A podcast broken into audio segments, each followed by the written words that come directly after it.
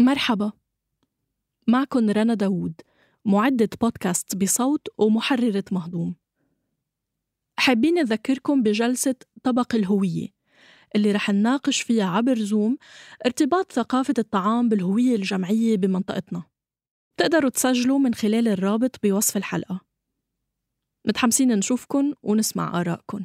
يلا نبدأ حلقة مهضوم اللي بالمناسبة رح تسمعوها استثنائيا بصوت سيرين حسني اللي ألفت النص.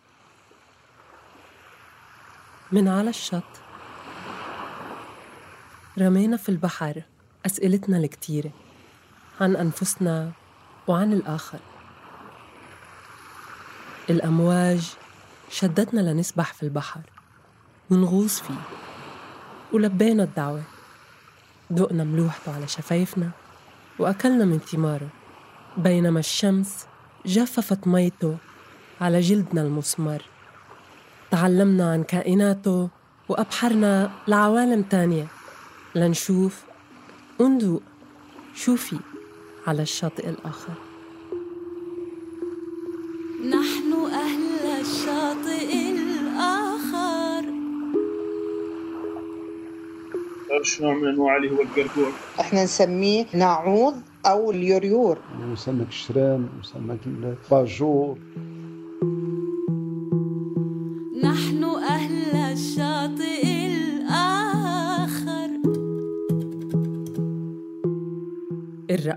الرقوش والجرجوع والبربور والباجو كلها أسماك وأكل السمك بيتطلب حداقة ودراية.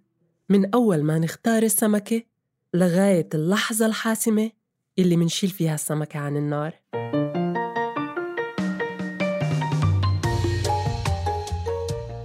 مرحبا فيكم بالحلقة التاسعة من بودكاست مهضوم من إنتاج صوت. في كل حلقة نختار أكلات أو مكونات من مجتمعاتنا. نحكي عن تاريخها وعن علاقتنا فيها. رح نخلي الطبق اللي قدامنا قبل ما يشفي جوانا يصير مراي بتعرفنا أكتر. نحن مين؟ هاي الحلقة من مهضوم بعنوان ثمار البحر والنار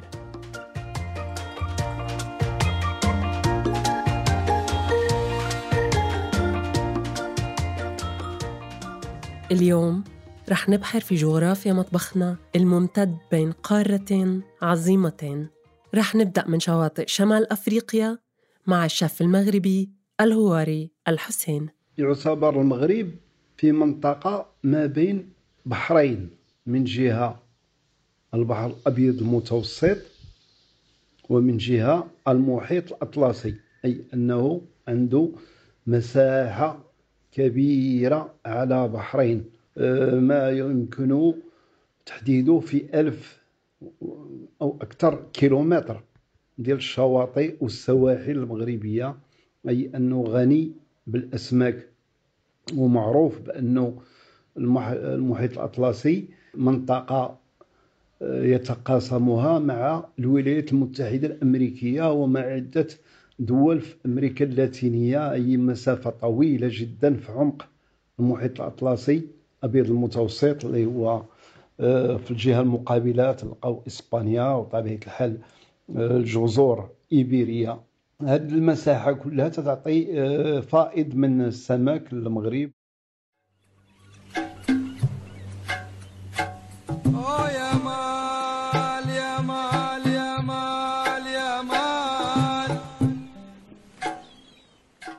ومن شمال أفريقيا لجنوب شبه الجزيرة العربية نرجع لأصدقاء مهضوم أحمد حبيب وعيسى البحري محبي الأكل المخلصين ومؤسسي Official عمان Travels. أحمد بيوصف لنا الطبيعة هناك. عمان محاطة بالبحر من جهات عديدة مثل بحر العرب بحر. بحر عمان والمحيط الهندي. فالكرات البحرية مشهورة جدا في عمان. كجزء من جغرافيتنا البحر بيحكم نوعية غذائنا وبرضه علاقتنا مع الدول الجارة. كيف منشاركهم الثروة الطبيعية؟ وكيف منتأثر ومنأثر في مطبخهم وعاداتهم؟ عيسى بيحكي لنا. أول شيء الأنشطة البحرية تأثرها على ال- ال- ال- المجتمع. كأكل كثقافة طبعا لها دور كثير لأن عمان كانت عندها تجارة مع أفريقيا عندها تجارة مع الهند كانت عندها تجارة مع إيران وهذه الدول اللي قريبة منها. في حتى يعني ما بغض النظر عن لكن أنا أتكلم حتى في المعمار عندنا تأثر بالثقافات الثانية اللي هي الثقافة الأفريقية ولا الثقافة الهندية. نحن البهارات منين جبناها؟ أكثرها يعني جبناها من الهند. في أشياء يعني اختلطت معنا في أشياء مثلا امتزجت مع ال- ال- الطبخ العماني أو المطبخ العماني مع المطبخ الهندي وصار حاجة ثانية. وعندك أشياء كثيرة جات من من زنجبار. زنجبار كانت آه، واجد مؤثرة على عمان حتى مؤثرة على المطبخ العماني. وإلى الآن في عندنا أكلات زنجبارية ولكن جيل الحين يمكن ما يعرف إنها هي أكلة زنجباريه بيقول لا هذه أكلة عمانية أنا خلاص هو تربى معها. فعندك يعني نحن كنا نسميها المندازي اللي هي عبارة عن آه، عجينة مع يعني مثل الخبز المقلاي مع مع مع الشاي وكذا يكون حلو يعني رمسه في كتاب طبخ The Arabian Nights Cookbook أو الليالي العربية بيقول المؤلف حبيب سلوم إنه المطبخ الخليجي بشكل عام هو زواج ما بين غواصين اللؤلؤ والبدو وشبه القارة الهندية وفي حالة عمان زنجبار.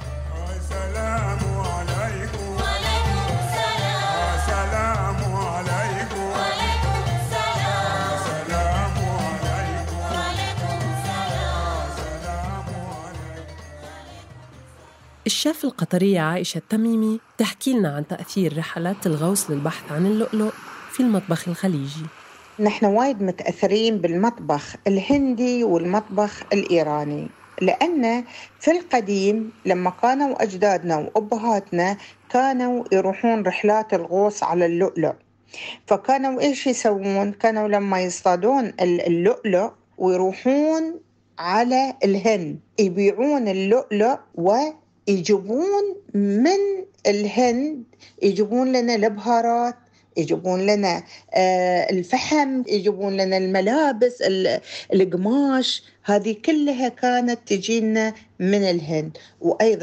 ب- بحكم قرابة إيران بالنسبة لدول الخليج أيضا كثير من المنتجات الإيرانية كانت تجينا هنا في آه، في في في قطر وكنا نستخدمها وما زلنا نستخدمها المكسرات الزعفران ال- ماي الورد هذه كلها أشياء تصلنا من إيران وما زلنا نستخدمها. فطبعا أكيد إن إحنا تأثرنا جغرافيا تاريخيا تأثرنا بالدول اللي اللي كانوا أجدادنا وأبهاتنا كانوا يروحونها. هاي التأثيرات الخارجية على مطابخ الدول الساحلية لا تعني إنه ما فيش خصائص فريدة لمطابخ هاي الدول. تتجلى هاي التأثيرات بالاختلافات في طريقة طهي الأسماك. الشيف الهواري الحسين بيحكي لنا عن بعض الأطباق البحرية في المغرب والتأثيرات الخارجية عليها.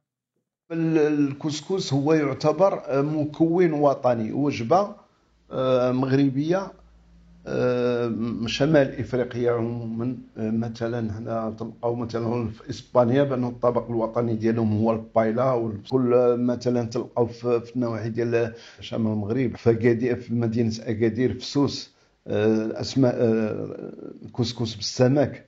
وكاين وصفات كثيرة من أشهرها طاجين ديال السمك المغربي اللي اللي معروف وثانيا الاسماك اللي مقلية من القديم تنعرفوا بأنه كاين واحد الخليط يتسمى الشرمولة أو السمك تيتشرمل بالتوابل هو اللي معروف في المغرب عندنا المشوي السمك مشوي.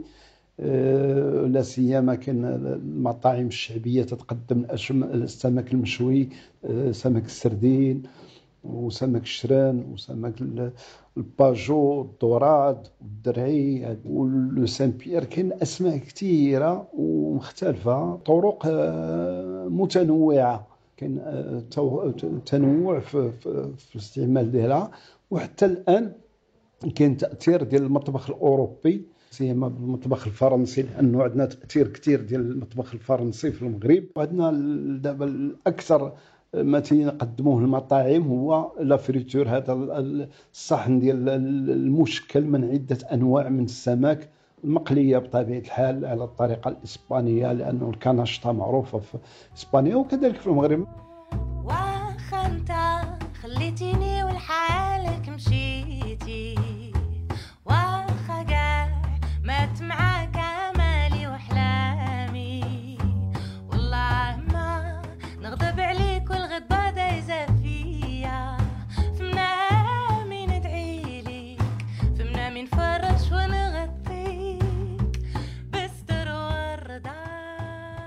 المغرب نرجع على الخليج. الشيف عايشة التميمي تحكي لنا عن أطباق السمك هناك. عندنا مكبوس السمك عندنا مكبوس آه، الربيان آه، عندنا آه، أيضا مكبوس الخثاق عندنا شنو بعد؟ عندنا مشغول الربيان مشغول السمك. يعني عدة عدة أكلات قطرية تؤكل بالسمك بحكم أن آه، قطر عندها بحر ما شاء الله آه، مليء بهذه الأسماك. أيضا كل أنواع السمك موجودة عندنا يعني في قطر. آه، عندنا أيضا طبخة اسمها القشيد اللي هي تطبخ على الشارك. الشارك؟ سمك القرش؟ بس الشارك الصغير إحنا نسميه ناعوض أو لا اسم ثاني اللي هو اليوريور. هو يكون شا من من فصيلة الشارك بس يكون آه، يعني صغير مش كبير مش الشاركات الكبيرة. تعرفوا وين كمان بياكلوا سمك القرش؟ في عمان بلد أحمد حبيب وعيسى البحري. القرش والله يعني حالة كحال أي سمك زين، يصطادوا يقطعوا وطرق طبخ مختلفة طبعا. في هو القرش نوع من أنواع اللي هو القرقور طعمه جميل اللي هو لحم أبيض في النهاية. زين وإحنا كليناه كليناه مع الرز كان تقريبا على مقلوبة. وعلى فكرة أحمد قصده بالمقلوبة هون الصيادية وهي طبق من السمك والرز أصله منطقة البحر الأبيض المتوسط في فلسطين. يقال إنه الصيادية انتشرت بمناطق جبلية بعيدة عن البحر وشوي شوي استبدل السمك باللحم والدجاج والخضرة. وهيك صارت المقلوبة مقلوبة. العوالي يعتبر سمك قرش مجفف. طبعا ياخذوه يقطعوه ينظفوه ويعملوا شرائح مع الملح ويجففوه ويصير جاف ما يكون فيه ماي ويكون مالح كثير. فلما يطبخوه عادة يغلوه في ماي ويغسلوه ويطلع الملح منه ويرجع السمك طري وبالعادة يأكلوه مع بصل وليمون يعني. المكس حق ال- العوال يعني بعد ما يغلوه في ماء يقصصوا معاه بصل شرايح مع البصل يعني تكون خلطة ليمون مخففة. وناكله على رز أبيض. وعندك بعد ال- اللي إحنا نسميه سمك القاشع اللي هو السمك السردين. هذا السمك آه، يجفف ونستخدمه في في سلطات. عندنا مثلا سلطة السحنه غالبا هذه مشهورة في ال- ال- المناطق الداخلية البعيدة عن البحر. اللي هم يضطروا يجففوا الأسماك ما يقدروا يجيبوا ال- ال- السمك الطازج بشكل آه، دوري. ففي في أشياء يعني مثل ما تقولي أنت لازم آه، تشوف البيئة اللي تعيش عليها. يعني إذا كنت أنت عايش في المناطق الداخلية فتضطر تتعامل مع الأشياء المجففة كالسمك. بسبب جغرافية المكان تطلع عندك طبخات فريدة حال ذيك حال هذاك المنطقة هذاك ال- المكان. تحضير السمك بالطريقة هاي عن طريق تجفيفه وبعدين إعادة الماء أو الحياة إله. برضو بتحكمها علاقة الإنسان بالبحر وقديش هو قريب منه أو بعيد عنه. الشيف عائشة التميمي تحكي لنا عن علاقة قديمة تربط صيادي اللؤلؤ في قطر بأكلة بحرية مميزة. من القديم مثل ما ذكرت ان إن كانوا أول أبهاتنا كانوا يروحون يقصون على اللؤلؤ.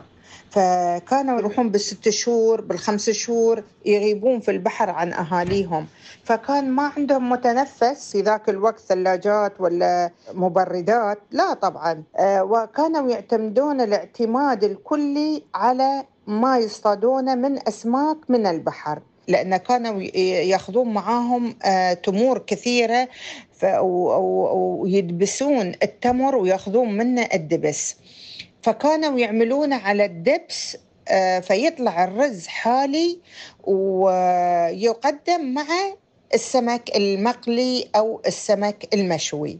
فما يصطادونه من البحر كانوا يأكلونه ويا هذه الوجبة آه، فهذه كانت يعني وما زالت شائعة عندنا اللي هي المحمر أو البرنيوش نسميها من الأكلات الجدا جميلة واللي يحبونها الشعب القطري وخصوصا في شهر رمضان يعني آه، كسحور.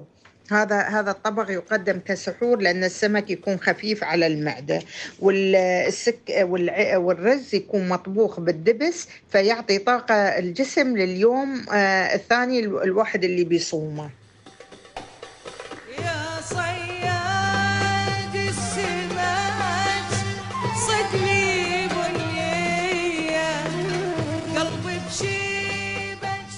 كل وكل ما اقتربنا أكثر من البحر.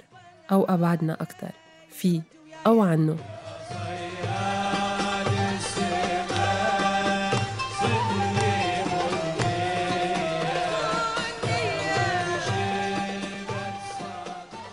لما تيجي عند البحر عندك نحن عندك البابلو عندك ال ال ال ال نفس الشيء عندنا السمك المدخن يستخدموه على سمك الجيذر اللي هو الكينج فيش.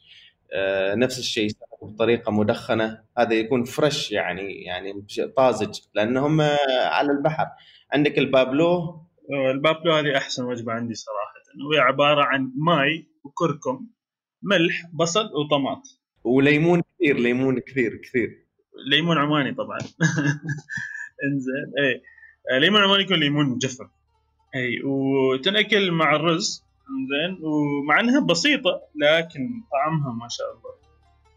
يعني إحنا الحين صايمين والله الله كريم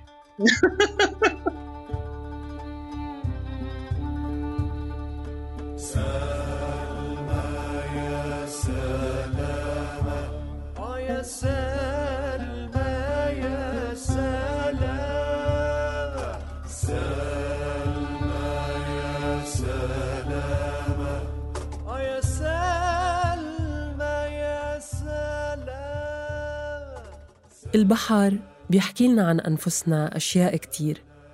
نحن مناكل من البحر بنشرب منه وبنسترزق عن طريقه.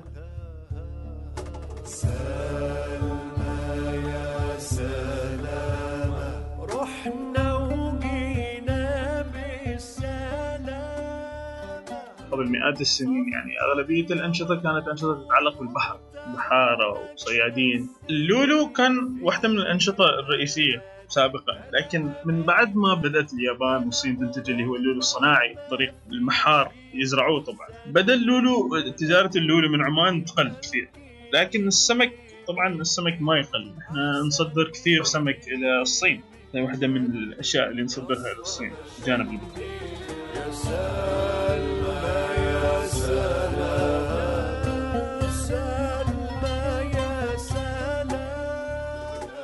ما فينا نحكي عن علاقة الإنسان بالبحر بدون ما نذكر الصيد الجائر والتلويث البشري للبحار والأنهار وأثره على الحياة المائية والمنظومة البيئية وبرضه على صحة الإنسان اللي بياكل من الكائنات الحية فيها.